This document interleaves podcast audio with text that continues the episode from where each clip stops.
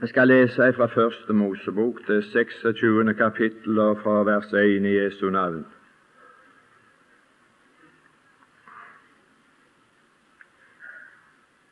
Første Mosebok, det 26. kapittel, fra vers 1. Og det var atter hungersnød i landet, like som forrige gang, på Abrahams tid. Og Isak drog til filistrenes konge Abimelek i Gerar. Da åpenbarte Herren seg for ham og sa:" Dra ikke ned til Egypten, bo i det land som jeg sier deg. Bli boende her i landet. Jeg vil være med deg og velsigne deg. For deg og din ett vil jeg gi alle disse land. Jeg vil holde den ed jeg har svoret Abraham, din far, og jeg vil gjøre din ett tallrik som stjernene på himmelen, og jeg vil gi din ett alle disse land. Og i din ett skal alle jordens folk velsignes, fordi Abraham lød mitt ord og holdt alt det jeg bød ham å holde, mine bud, mine forskrifter og mine lover. Så ble Isak boende i Gerhard. Amen. Fader, i Kristus Jesus, vi ber bare om en eneste ting i denne stund. La din ånd i ordet være, og signe stunden, Frelser kjære. Amen. Det som ligger på mitt hjerte, det har jeg forsøkt å gitt uttrykk for og skal gjenta det det var å gi deg ei sann historie av den troendes liv etter at han er kommet til troen, mens han er på vei til det himmelske land. Ikke noen skjønn litteratursberetning om det, ingen novellebeskrivelse, men en guddommelig, sann nedskrivning av de troendes historie fra begynnelsen, og hvorledes de opplever sitt liv når de skal leve i løftenes land her, på veien hjem til den evige herlighet. Og det vi stanset for i går, det var hva historien fortalte hvor Isak begynte, og hvor han tok oppholdssted og bodde i begynnelsen, når han var blitt løftets barn. Da bodde han ved brønnen Lakkarøy. Han bodde ved kilden, ved livets kilde, ved den kilde som hadde gitt han liv. Så var han forblitt boende der. Så leste vi om her, i dette kapittel og vers 1, det kom et tillegg til dette bosted. Og, står det, og det var atter hungersnød i landet. Og så står det tankestrek. Og det var ikke hungersnød ved brønnen Lakkarøy. Der var det ingen hungersnød. Men årsaken til hungersnøden, det var, som det står i det samme kapitlet etter det du har tenkt deg om en stund. Når du tenker deg om hva er det som er grunnen til at det har blitt hungersnød i landet, allike som forrige gang. På Abrahams tid så hadde Isak dratt til filistrenes land, og der er det alltid hungersnød. Filistrenes land et tørt land. Det er Sydlandet, og der er det alltid hungersnød. Det var forklaringen hvorfor det var hungersnød. Han var kommet etter hvert bort ifra Lakkarøy, men han var fremdeles i landet. Filistrenes land, det er en del av løftets land.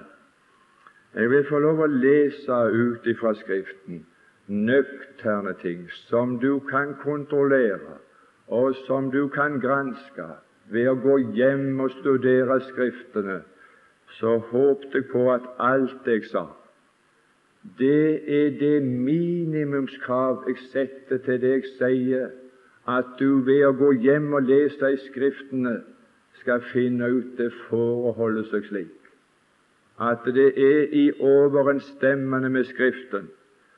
Og i Bibelen så står det i annen Mosebok om filistrenes land. I annen Mosebok, det trettende kapittel, når Israel ble forløst og skulle dra ut fra Egypten til, til løftets land, så står det i det trettende kapittel og syttende vers da nu farao lot folket fare, da førte Gud dem ikke på veien til filistrenes land, skjønt den var den nærmeste. Filistrenes land kan du lese ut ifra kartet at det er Gazastripa av Kanans land. Gazastripa, det er det som blir kalt for filistrenes land. Men Gazastripa, den ligger i Kanan. Det er en del av løftets land. Det er det som er hemmeligheten. Isak han begynte sin historie ved brønnen Lakaroi, men han, like som forrige gang, på Abrahams tid, så kom han bort ifra sitt første oppholdssted i løftets land. Og det er det som er de troendes historie. Det er historien om den enkelte. En skal lese litt ifra ifra den tida med Abraham, når det skjedde for han. For dette med Isak, det skjedde like som forrige gang. Og det står i Første Mosebok tolv. I Første Mosebok tolv så står det etter at Abraham var kommet til løftets land og hadde slått opp sitt telt, i vers 8, i Betel,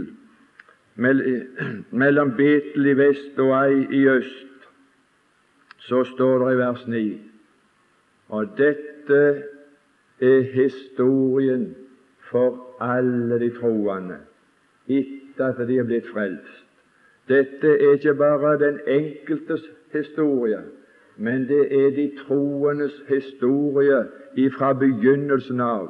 De troende, de kristne fra begynnelsen av, de starta ved brønnen Lakaroi men så står det i det niende vers og Abraham drog etter hvert videre til Sydlandet. Det som er det forunderlige med oss mennesker, så gjelder alle de troende. Vi kjenner alle på denne dragelse mot syd. Det er ikke, det er ikke bare det er ikke bare reisebyråene som gjør god forretning på at menneskene har en dragelse mot Syden. De gjør jo god business nå på å bare avertere reiser til Syden, og folk melder seg på i kø. Alle fly er fulle, for folk har lyst til Syden. De forlater og drar De kjenner en dragelse mot syd.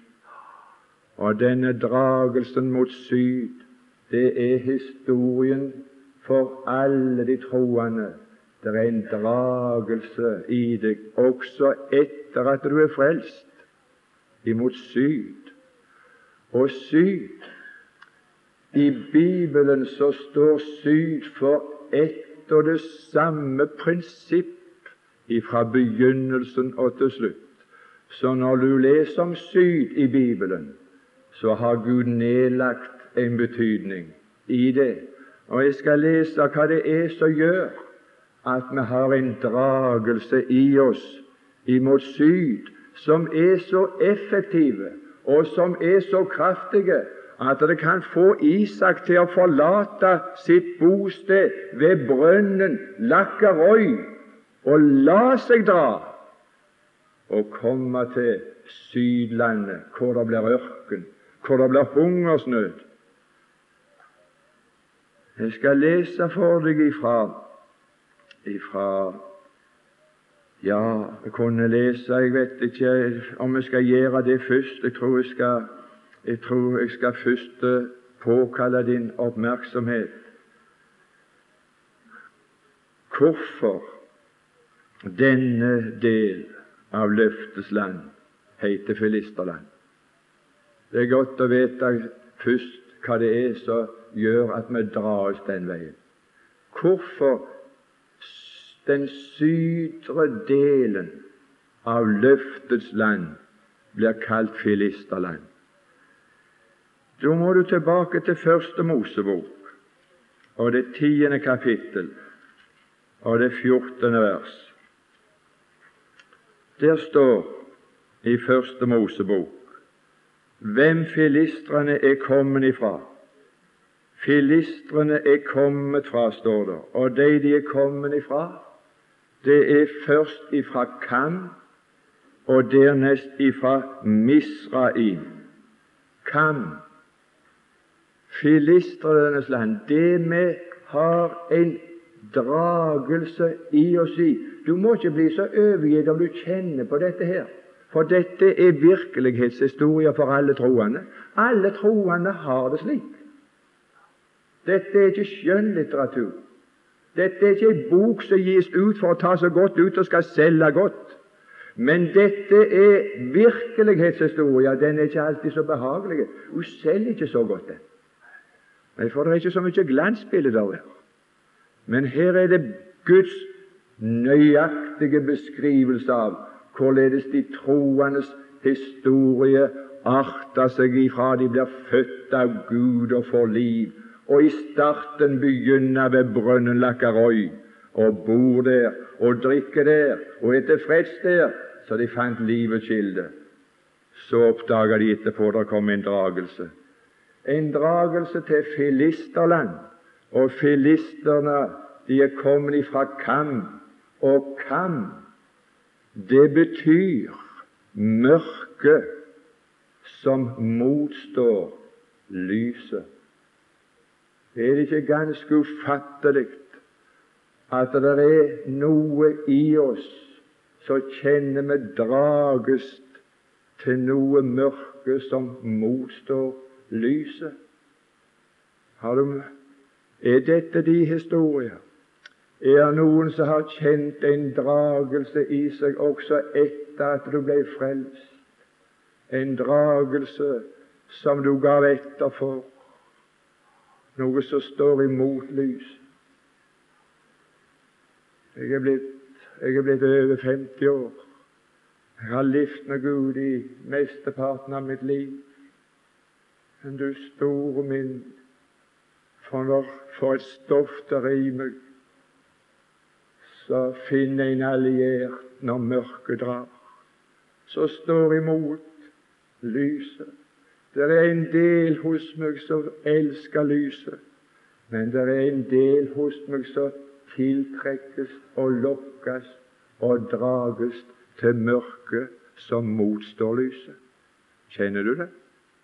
Er dette historien om det? Har du kommet til Filisterland? Oppholder du deg der, så skal du finne ut at det er et ørkenland. Det er tørt å være kristen. Du er ikke utenfor løftets land. Du er en troende i landet, men i et tør, tørr del av landet.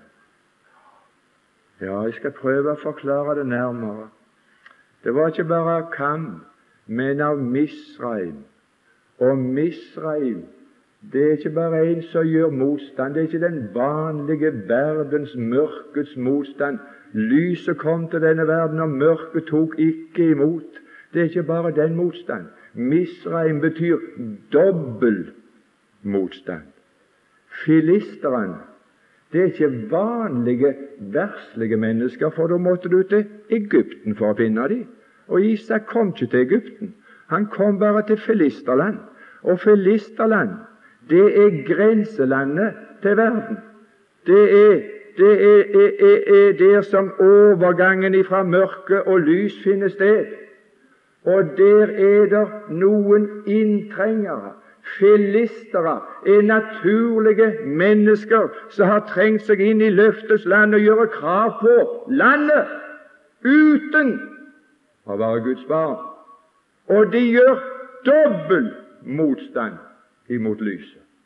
Og det skal du få merke, at kommer du til grenselandet, så skal du få merke ikke bare motstand fra vanlige, verslige mennesker, men du skal få møte motstand fra religiøse mennesker som ikke har opplevd gjenfødelse og blitt født av løfter, like som Isak.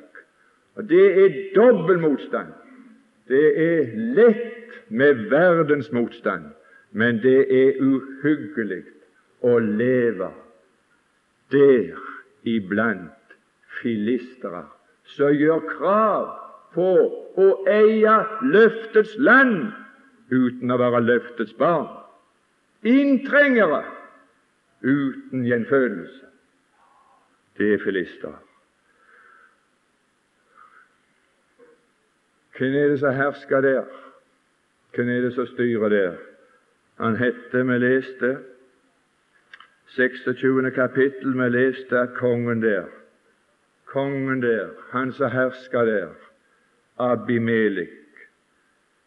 Abimelik. Abimelik betyr kongenes far. Det kan oversettes videre tradisjon. Kongenes far. Tradisjonene. Det har gått i arv fra far til sønn. Tradisjon. Og du gru for tradisjonens har makt. Tradisjonens makt. Han far hadde det sånt. Han bestefar hadde det sånt. De gamle hadde det sånt. Dobbel motstand imot løftets barn, tradisjonens makt. Jeg skal lese for deg. Dette var i Ger, Gerar, og Gerhar står der, det er fiendskap. Og du gru, men løftes barn opplever et fiendskap ifra religiøse mennesker når du nekter dem retten på landet når de ikke er født på ny. Å, herlige land! For et fiendskap! Nå skal jeg lese igjen fra Aschehougs leksikon. Det, ikke, det, det, det, var noe av det beste jeg har brukt noe penger til. Det var å kjøpe det. For et oppslagsverk! Til godt og vondt. Ikke til det er feil lite godt, men det er godt å få vite det som er vondt òg så kan en ta seg av været for det. I Dasjehaugs leksikon står det om tradisjon. Det står om en trientkonsile som, som, som, som kirkefedrene hadde, som kalles for trientkonsil. Når alle kirkefedrene var samla for å avgjøre lærespørsmål, og der står at dette trientkonsilet fastslo Her skal jeg si at du er i filisterland. Dette konsilet fastslo at Skriften pluss tradisjonen kan ikke skilles ad, men de er likeverdige. Det er tradisjonen er likeverdig med Skriften. Det ble bestemt av Trientkonsilet. Og det er en dragelse hos alle de troende til å, å, å, å la seg herske av tradisjon. Det var sånn før. Det har vært sånn så lenge. Ja, Vi våger ikke å bryte med tradisjonen. Vi våger ikke å bryte med de gamle. Vi våger ikke å bryte. Tradisjonens makt og når tradisjonen og Skriften er likeverdige, ja, da blir det ikke spøk. Da blir du beherska, men der er det hungersnød. Det ble hunger. De er fremdeles i landet. Ingen av oss har nekta de kristennavnet fordi de lever der, men de, de hungrer der. Det var atter hungersnød, ikke utenfor landet, men i landet. Det er krisetider for en kristen når han opplever at det er hungersnød å være en kristen. Jeg skal komme nærmere på det. Men vet du hva det skjedde i 1950, står det i Aschehougs leksikon. Du verden, men Isaks historie er en profetisk historie. For Isak endte sine dager i Filisterland, og de kristne vil ende sin tid før bortrykkelsen i Filisterland på det åndelige området. I 1950 har Skriften og tradisjonen fått nye løsninger. Nå er det ikke bare sånn som de gjorde det i Trientkonsilet, men i 1950 Dette er Norge, det er ikke i Trient. Og det er så sent som i 1950-årene at dette ble forandret. Så vi lever i ei tid som vi ikke har det sånn som de hadde det før. Der står det sies nå at det er urealistisk med Skriften alene. Nå er det ikke at Skriften og tradisjonen er likeverdige, men nå er det urealistisk med det vi holder på med her. Skriften alene. Det er det som er luthersk prinsipp. Det er det som har gjort det velsigna godt for oss i Norge og vært beherska av en kristendom i landet vårt, i bedehusmiljøene, som nådde det brede lag av det norske folk gjennom det som ble kalt luthersk virksomhet. Skriften alene og troen alene. Det var det som gav den lutherske virksomhet så store rekkevidde og så store slagkraft i det norske folk. Det nådde ut til landet vårt. Men fra 1950 så er det blitt en beslutning iblant de øverste i vårt land. Nå er det urealistisk med Skriften alene. Det sto mer der. Du kan slå opp på Aschehougs leksikon sjøl. Vi kan ikke lese slike ting her på en bibeltime. Men hærføreren i Filisterland under Abimelek han heter Pikol. Det må du lese litt tidligere. Og Pikol, det betyr folkets røst. Massene. Massene. Å, herlige land. Flertallet. Kan du ikke se at dette er historien, at jeg og du kjenner en dragelse til det? Det er der de massene samles. Folket det alminnelige kristenfolk. Det er jo bare de få som har Skriften alene. Er massene har Skriften og tradisjonen. Det er Pikol som er hærfører der. Massenes røst. Jeg skal si dere krefter av det der at Isak, løftets barn, de drages den veien. Og nå skal jeg si hvorfor. Det var fordi at det var mot syd. Syd, det står for det behagelige. I Jobbs bok så står det jorden ligger og dormer i sønnavind. Og nei, du gru i denne verden hvor mange der ligger og dormer i Filisterland, i syd. De ligger og dormer. Tar det med ro. Det er så behagelig. Det er så tiltrekkende.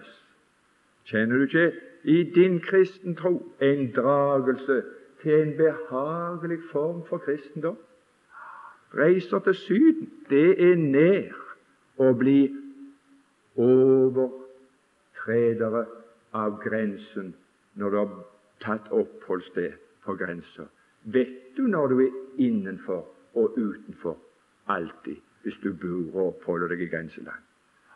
Bare prøv å ta deg en tur opp til grensa mellom Norge og Sverige. Kan du avgjøre om du er i Norge eller Sverige når du går der? Men jeg avgjør hver dag jeg bor i Norge. Jeg bor i Norge. Jeg har aldri noen problemer å vite hvor jeg bor henne, for jeg er så langt ifra grensa. Jeg er så langt ifra grensa. Og når vi er på bibelkurs, så er vi så langt ifra grensa at jeg vet nok hvor jeg bor. Å, men jeg ønsket jeg ønsket at vi skulle få lov å se at det er forskjellige steder å oppholde seg i løftets land. Ja, ja, så sto det i Apostlenes gjerninger, det 27. kapittel og det 13. vers. Da det nu blåste Ja, det har blåst på Karmøy nå. Vet hva, Jeg er glad for at det har blåst. Det har blåst en ubehagelig vind. Og en ubehagelig vind altså er ikke farlig når vi skal ha bibelkurs. Da er den så ubehagelig at de foretrekker å være inne. Nordavind, den er ikke tiltrekkende. Den er ikke behagelig. Den drar oss ikke bort. Den driver oss inn. Men da det nu blåste en svak sønnavind ja, Da kan du altså ha opplevd litt forskjellig, kanskje også på et bibelkurs. Hadde vi fått en svak sønnavind, så hadde det vært fristende. Vi hadde kjent en dragelse i oss. Ungdom og gamle hadde kjent en dragelse i og reist til Åkra badesand stranda med den hvite sand, og lagt seg i bakken og så dorma der. Og tenke behagelig. Det er vidunderlige greier. Du kommer ikke utenfor løftets land om du legger deg der. Men det, det driver deg bort ifra, ifra brønnen Lakkarøy. Det er ikke noe brønnen Lakkarøy på sandene, det kan jeg fortelle deg. Men det er noe behagelig i det. Ja, det er det. Jeg nekter deg ikke det. Det var ikke det jeg brukte det for, men jeg brukte det som et bilde. Da, vi, da det nu blåste Og hvis jeg skal fortelle hva det blåser på bedehusene våre nå i dag, i vår tid, så blåser det en sånn behagelig sønnavind. De har lagt seg på underholdningslinjer, så å si, alle som driver virksomhet. Det er plattformsvirksomhet. Det er showvirksomhet.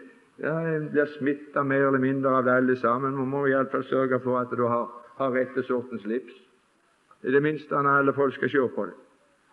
Plattform. Så vakte den veldige lysten også hos han at han dro. Det var ikke så behagelig.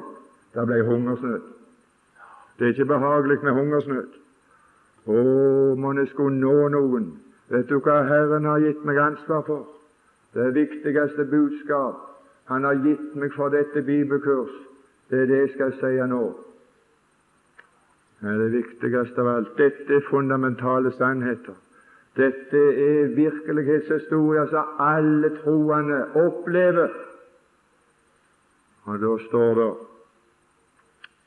for ei vidunderlige Denne historien forteller hva Isak fikk oppleve i filistrenes land. Han opplevde hunger, han opplevde alt det der forferdelige. Men vers to, det er det som er mitt budskap. Da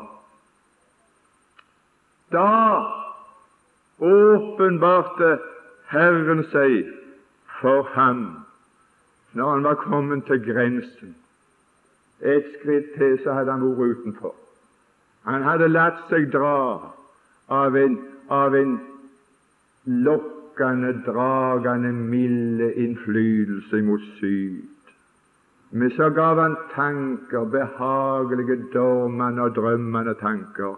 Så var han kommet til grenseland.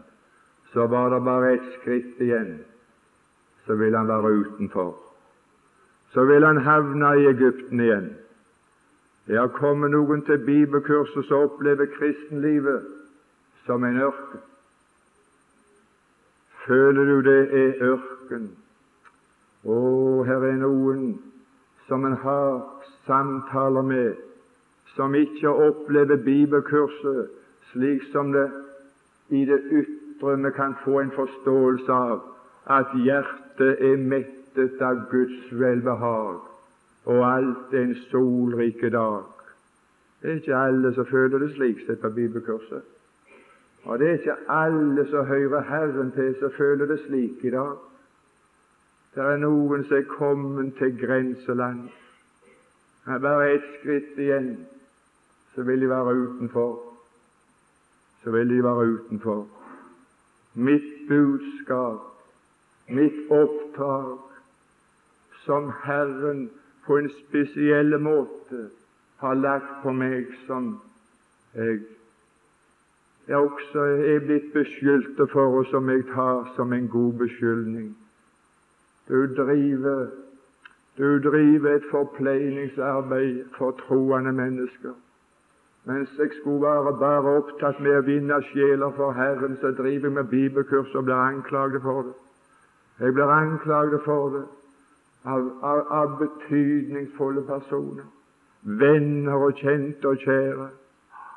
De, de, de, de mener det, det, er av det onde, det er unødvendig. Det er ett arbeid som er nødvendig, det er å drive vekkelsesarbeid. Og så har jeg fått et oppdrag fra Herren å gi deg som er løftets barn, en åpenbarelse hvis de er kommet til grensen under en dragelse imot mot verden igjen og alt føles som en hunger. Ingen tilfredshet med å være frelst lenger. Her kom en inn på forretningen min. Jeg må være forsiktig så at ingen kan, kan kjenne han igjen ved det jeg sier. Men han sa det til meg jeg kom inn. Jeg får stole på han. Det er ikke sånt lenger som det var. Ikke så lenge siden han ble frelst. Og så ble det underlig godt og så takknemlig som han var Så han bodde ved brønnen Lakkarøy. Nå droges han imot gamle venner. Han fikk lengselen igjen til kjøttgryten i Egypten. Jeg minnes kjøttgryten i Egypten. Og nå har jeg ingenting som tilfredsstiller meg som en kristen lenger. Opplever du det sånn? Å, det er mitt store oppdrag i livet å reise rundt i landet og nå noen som er kommet til grenseland, og gi dem en åpenbarelse av Herren der. Da var det da du trenger det. Da fikk han det han trengte. Han trengte en åpenbarelse av Herren i Filisterland, og så fikk han det. Og denne åpenbarelse som han fikk av Herren, den åpenbarte seg slik dra ikke ned, dra ikke ned til Egypten. Å, det er godt når Herren åpenbarer seg og stanser oss fra grensen. Det er godt. Og så sier han at du kan si nå må du omvende deg og langt ifra. Nå må du snu og langt ifra. Nå må du komme på omvendelsens vei, alle. En åpenbarelse av Herren der, just på grensen. Hva sa Herren til ham? Bli boende her i land. Bli boende, ikke i landet bare. Du skal slippe å reise tilbake. Du kan bare bli boende her, så du er kommet nå men bare bli boende i land. Ta ikke et skritt til, for da er du utenfor. Bli boende her. Det er noe vidunderlig vi leste til slutt. På grunn av denne åpenbarelse så ble Isak boende. Så ble Isak boende i Gerhard, står det. På grunn av Herrens åpenbarelse. Og hadde han ikke fått en åpenbarelse av Herren, så hadde han dratt videre sånn som Abraham gjorde. Men Isak fikk en åpenbarelse som var så sterk at han, han stanste, og så ble han boende. Å, men jeg har Herrens åpenbarelser å takke for, at jeg til denne stund er blitt boende i løftets land. Bli boende her i landet.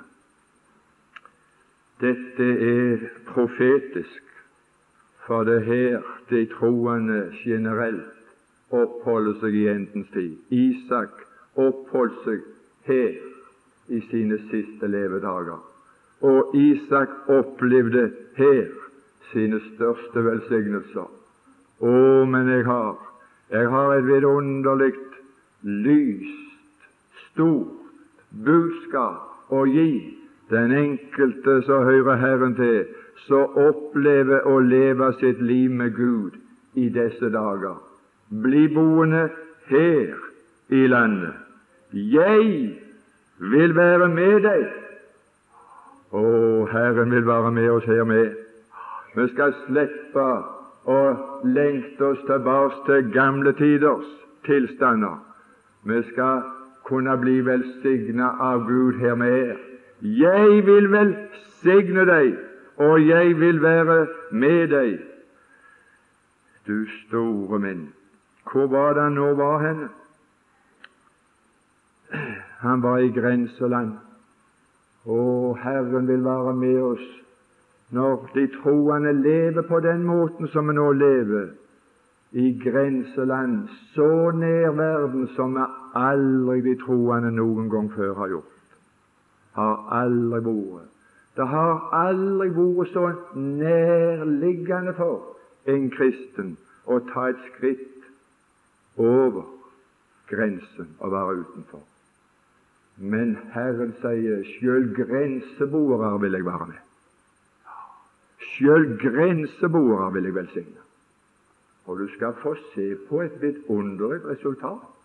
At vi som ble plassert i nådens husholdning i så ytterst elendige omgivelser og tilstander som vi har i det ytre, Herren vil være med oss. Han vil være med oss i disse dager som vi lever, i disse tilstander som vi lever i kristendommen, når kristendommen generelt er blitt grenseboere. Så det er mest ikke å vite er dette innen landet, eller er det utenfor. Er dette møtet et kristelig møte, eller er det et verdslig møte? Du, du, du, er jo ikke sikker overhodet somme tider du går på bedehuset. Kan dette være av Gud, eller er dette av verden? Jeg skal være med deg der. Er du et løftesbarn, så vil Gud være med deg selv om du må leve der, for det er mange troende som må leve der. Det er ikke ideelle tilstander. Men hvis vi ikke skulle kunne få lov å leve med Gud uten å ha ideelle tilstander Og jeg fikk et brev på herlige land, hvor mange sider det var. Det var, det var, det, det var pakket inn i en pakke. Ja, det var det. Så mange sider var det om en som hadde problemer, for han bodde i grenseland, og skulle være, skulle være en som ville tjene Herren i grenseland. Så fant han at alle forhold var, var helt på tvers av det de skulle være. Kan skjønne de det? Det, det, det, det er jo spinngale alt der. Men jeg skal være med deg om du må leve på slike steder. Jeg skal være med deg, og så skal jeg velsigne deg nettopp der. Å nei, nå skal du få høre på saker. Jeg har et budskap, heldigvis. Og hadde jeg ikke fått et budskap, så hadde jeg drevet forretten. Jeg ville aldri stilt meg fram her uten et budskap. Men når jeg står her og er så frimodig, så er det fordi at Herren har et budskap som er tidsaktuelt, øyeblikksaktuelt, for den enkelte av oss. Bli boende her om det er grenseland, og grenseland er et lavt land. De troende generelt i dag har vendt seg ifra alle de store og høye sannheter. De kommer til dette bibelkurset, og så sier de dette hører vi ikke til vanlig. Det er så lavt, det vi hører. Det er så lave sannheter som de troende til daglig, for det er i lavlandet. Gazastripa, Filisterlandet, det er i løftets land, men det er så lavt det er så, som de hadde i høydene, det som drog og løfta våre lengsler den veien, oppover til himmelen, det er tilbakelagt. Vet du hva tid at grenselandet, vet du hva tid at lavlandet har dragende makt på oss? Det er når vi får det synlige for øyet. For slettelandet er alltid behagelig for det synlige, mens høydene, det det gir oss syn for det usynlige. Og i dag har de kristne lite syn for de usynlige, høye sannheter, og erfarer lite av den kraften av det. Altså er de pukka nødt til å leve til hverdag. Det er ikke svært høye sannheter du kan få høre til vanlig på, på alle disse bedehusene rundt omkring i små bygder og store byer og bygder, for så vidt. Det er lavt. Og der skal løftets barn oppholde seg. De har ingen plass å flytte. Om du flytter til Galdhøpiggen eller til Oslo eller Afrika eller Amerika, du finner det ikke bedre for den alminnelige, generelle tilstand og utvikling over hele verden. Vi pukker nødt til å være velsigna i denne tilstanden, i denne del av løftets land. Og det vil han gjøre. Det er et tørt land. Salme 32, 4 sier noe om det, hvordan det oppleves å leve i et sånt tørt land. Min livssaft svant som i sommerens tørke. Og i Salme 62 lenges etter deg i et tørt land og et vansmektende land. Er det underlig at folk sier her i matpausene, i pauser mellom timer, mellom møter, etter møter, om nettene. Jeg tror snart, knapt at folk har tid å sove. Jeg for min part jeg klarer å, å, å redusere det til et absolutt minimum denne uka, med det som kalles sau. Berg-Hansen har altså knapt nok vært vekke i natt. Det var visst det. Han måtte gjøre det iallfall under på et par timer. Altså Dette som jeg opplever her, det er vi er kommet til en oase i ørkenen. Tenk om vi kunne ha det sånt alltid. Men når vi reiser hjem igjen her, så kommer vi igjen til lavlandet. Lavlandet, til grenselandet, til det tørre landet. Og da lengter vi. Da har vi lett for å vansmekte. Har jeg et budskap? Ja, du kan være sikker jeg har et budskap, ellers hadde jeg ikke stått her. Nå kommer toppen, og jeg må altså stjele noen minutter, så får de gjøre som de vil, enten vi skal få middag eller ei. Så er det noe som er viktigere enn middag, og det er åndelig føde. Og det er noe som kan redde oss, og ikke bare redde oss, men kan gjøre oss nyttige. Og her skal du få arbeidsprogram, her skal du få livsmot, her skal du få nye syner som skal gi deg kampmoralen i orden hvis du er interessert i å tjene Herren og leve for Herren. Du som er blitt mismodig av det lave. Du som er mismodig av at du er plassert i en tidshusholdning hvor alle de store predikantene de minka vekk, som kunne gi oss de store syner og, løfte oss opp i de store høyder. Nå må vi leve til daglig i lavlandet uten å bli løftet opp i fjellandene. Jeg skal gi deg at vi opplever det på denne tid som ingen andre før oss skal kunne ha muligheter for å oppleve tolvte vers i dette kapittel. Isak sådde korn der i landet, og fikk det år hundrefold. Å, herlige. Nå kan du gå hjem og lese Bibelen etter dette bibelkurs. Så kan jeg fortelle deg på forhånd det er 66 bøker, så det blir ikke så tidlig ferdig. og Skal du lese sånt at du husker det, så skal det ta tid. Men om du går hjem med den interesse og vil lese Bibelen igjennom, så vil du komme til noen beretninger om at Jesus sa at en såmann gikk ut og sådde, og så var det noe så, så, så falt i Ja, det mesteparten det var jo sånt det falt der og der og der, så det ikke ble noe galt. Men så var det noe som falt i god jord, som bar hundrefold, og noe bar sekstifold, og noe bar trettifold. Og denne utsed i Guds rike ifra pinsedag og inntil bortrykkelsens dag, det er den eneste gangen i Bibelens beretning at det er en historie som forteller om at det var noen som høsta hundrefold.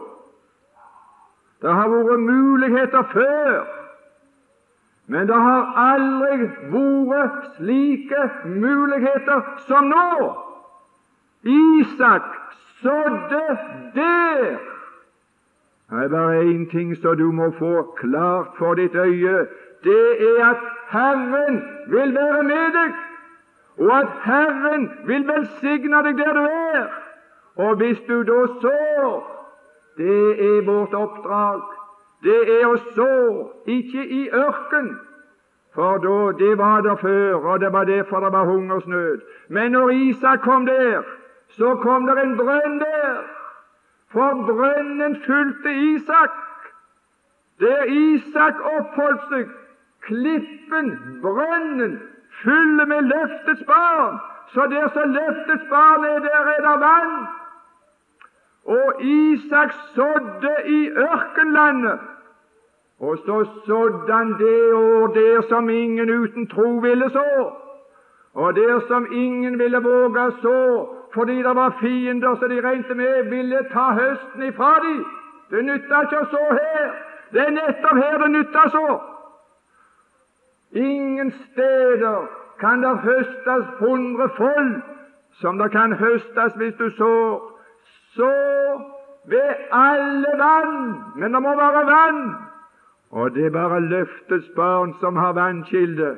Du må så med brønnen Lakkarøy og øse vann av frelsens kilde. Så skal det nok bli en høst. Å, men jeg har, jeg har tro for å drive vekkelsesarbeid. Jeg har ikke metodearbeid. Jeg har tro for å drive vekkelsesarbeid. Og den sorten som jeg har tro for, det er å stå. Jeg kom til Gyland for første gang i fjor høst og kom inn i et lokale. Og så sa jeg du verden, altså jeg har aldri kommet inn i noe bedehus som har hatt en så slående illustrasjon i sitt bilde på veggen. Bedehus, hadde er store bedehus. De hadde lekt et kommunehus til møtene, for bedehuset var så lite. Å, herlige land, jeg har aldri vært i et bedehus, og de har så fint bilde å illustrere det. Vi skal bare la med her. For Jyland, det var ei bondebygd. Og så hadde kommunen fått en kunstmaler til å male en sårmann som gikk ut og så så. Ja, de verdens mennesker er ofte visere enn oss. Det var verden for en illustrasjon. Det var det vi skulle gjøre for bedehuset. En såmann skulle gå ut og så så. Og, og så sådde Isak i tro. Så sådde han der. Så hadde han vann med seg. Og så sådde han der om det var aldri så mye fiender og motstand. Og så sådde han jeg skal, jeg skal høste. Jeg skal våge å legge meg til å sove hvis jeg bare får så. Hvis jeg bare får så. Hvis jeg bare får så i det, så skal jeg reise hjem. Hvis jeg bare får lov å forkynne evangeliet for folk, så skal jeg reise hjem uten at de omvender seg den kvelden. Hvis jeg bare får stå så skal jeg reise hjem igjen. Når en såmann sår, så går han hjem igjen når han har sådd, og så, og så takker han Gud for at han ennå en gang fikk lov å så, og så ber han Gud vil du velsigne deg sådde så det spirer fram. Vil du gi vekst? Å, men jeg var takknemlig for at jeg fikk lov å være med på Karmøy kino onsdagskvelden og få lov å så livets ord. Har du verden det var sjeler der, så jeg regner med at Herren skal få velsigna den sæden som ble sådd. Det var en som sa han blir gjerne arbeidsløs av det der møtet der. Han sa det det var velsigna godt. Det er noe av det beste jeg har sagt. Det er det beste jeg har vært med på.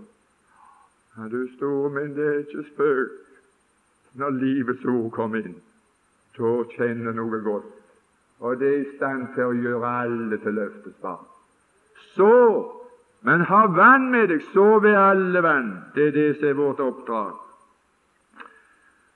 Lykkelige er I som sover ved alle vann. Esaias 32,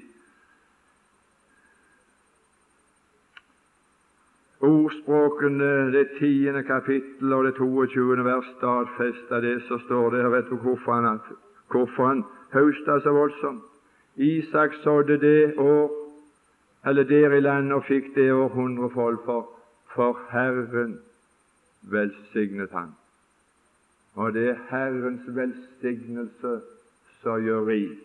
Ett vers, 2. Korintiabrev 9,6. 2. Korintiabrev 9,6. Den som så med velsignelse. Han skal høste med velsignelse. Å, hvis du er velsignet av Gud, så skal det høstes med velsignelse. Og den velsignelsen som Gud har gitt meg når jeg sov, det er at jeg alltid har en brønn med meg. Brønnen, klippen, fulgte dem. De hadde alltid vannet med seg. De bar ikke på vann, de drog ikke på vann, men klippen fulgte dem. Og Den hellige ånd har Herren gitt i den enkelte troendes hjerte. Det vann jeg vil gi ham, det blir i ham en kilde med vann. Bare et bitte lite trekk til slutt.